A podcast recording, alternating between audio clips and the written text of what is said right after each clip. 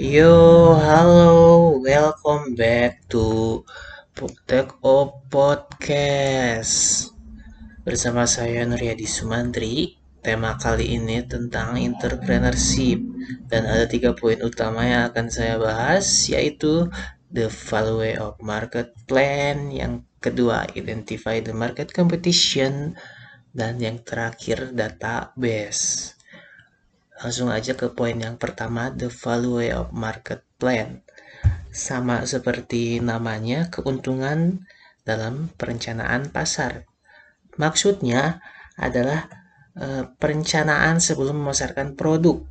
Nah, e, saat memulai bisnis, kita punya produk nih. E, sebelum kita pasarkan ke masyarakat, ini dibutuhkan yang namanya rencana Eh, rencana itu berupa proses peorganisasian, berupa penetapan tujuan, pemasaran. Jadi tujuannya itu harus jelas. Kita punya produk, pasti ada pasarnya dong. Misalnya eh, kita jual eh, alat tulis sekolahan kayak gitu, pasti pasarnya itu ya anak-anak sekolah.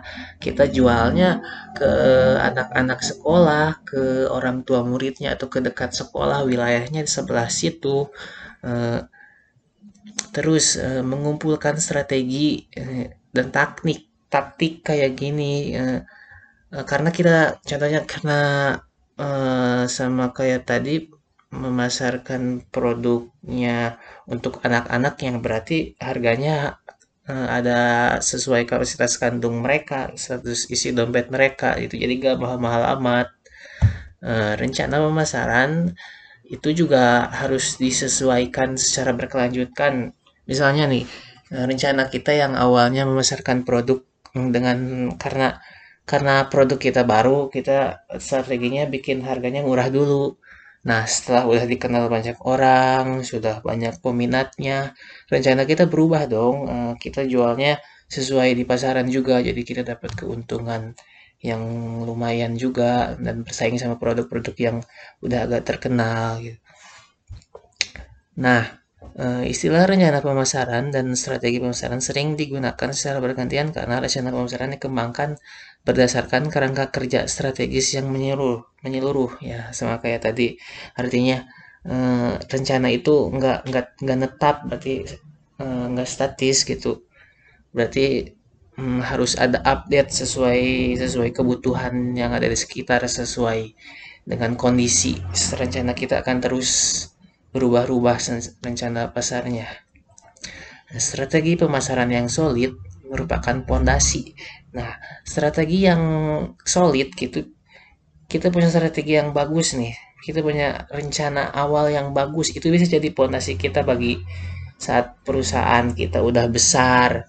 Eh, karena itu udah ditulis dengan jelas gitu dengan baik agar tujuannya dapat tercapai.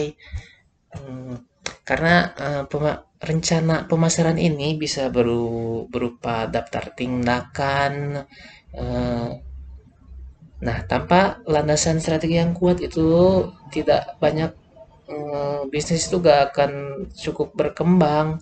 Kita bikin bisnis tanpa rencana yang bagus bisa aja tapi nggak nggak bakal bertahan lama gitu. Bahkan bakal nggak laku di pasaran. Kita karena seperti yang sudah saya jelaskan tadi eh, rencana itu kan berupa target pasar eh, kita lihat konsumennya keinginan mereka isi dompet mereka apa yang sekarang paling dibutuhkan. Eh, nggak mungkin kan kita jual kita jual brand-brand baju mahal di di di kampung gitu yang kebanyakannya pekerjaannya petani yang nggak terlalu mementingkan passion kayak gitu. Itu rencana itu termasuk rencana pemasaran. Uh, langsung aja ke poin yang kedua. Uh, the identify the market competition.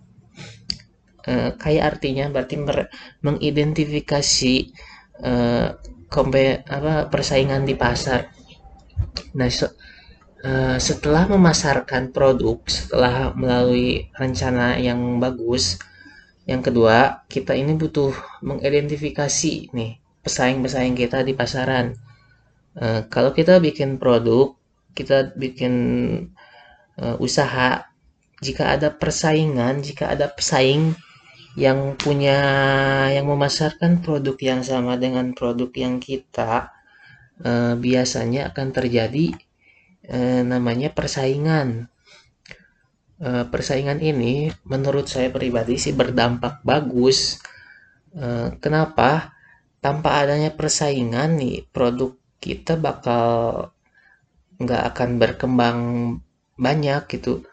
Uh, misalnya uh, punya produk satu punya produk uh, makanan makanan gitu-gitu aja dari dulu gitu kalau nggak ada pesaingnya.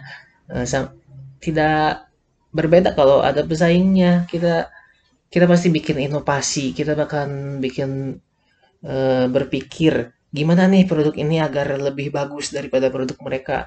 Gimana agar lebih kreatif lebih berkualitas? Kita terus kembangkan. Itu uh, salah satu keuntungannya ada pesaing. Nah kalau nggak ada pesaing sih bisa-bisa aja kita pasarkan ke ke daerah yang hanya apa yang memerlukan itu tapi biasanya paling yang membeli cuma itu doang yang di sana doang gitu nggak akan berkembang bagi produk kita. Makanya kita perlu mengidentifikasi market kompetisi.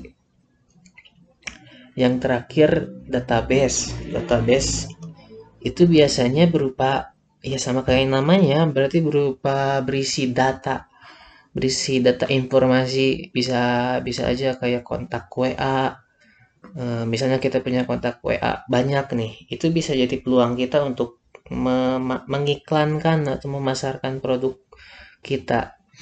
Uh, iya uh, media sosial bahkan bakal berguna banget buat buat ya buat memasarkan produk kita untuk awal-awal memulai berusaha kayak gitu. Uh, mungkin itu saja dari saya. Uh, terima kasih. Bye bye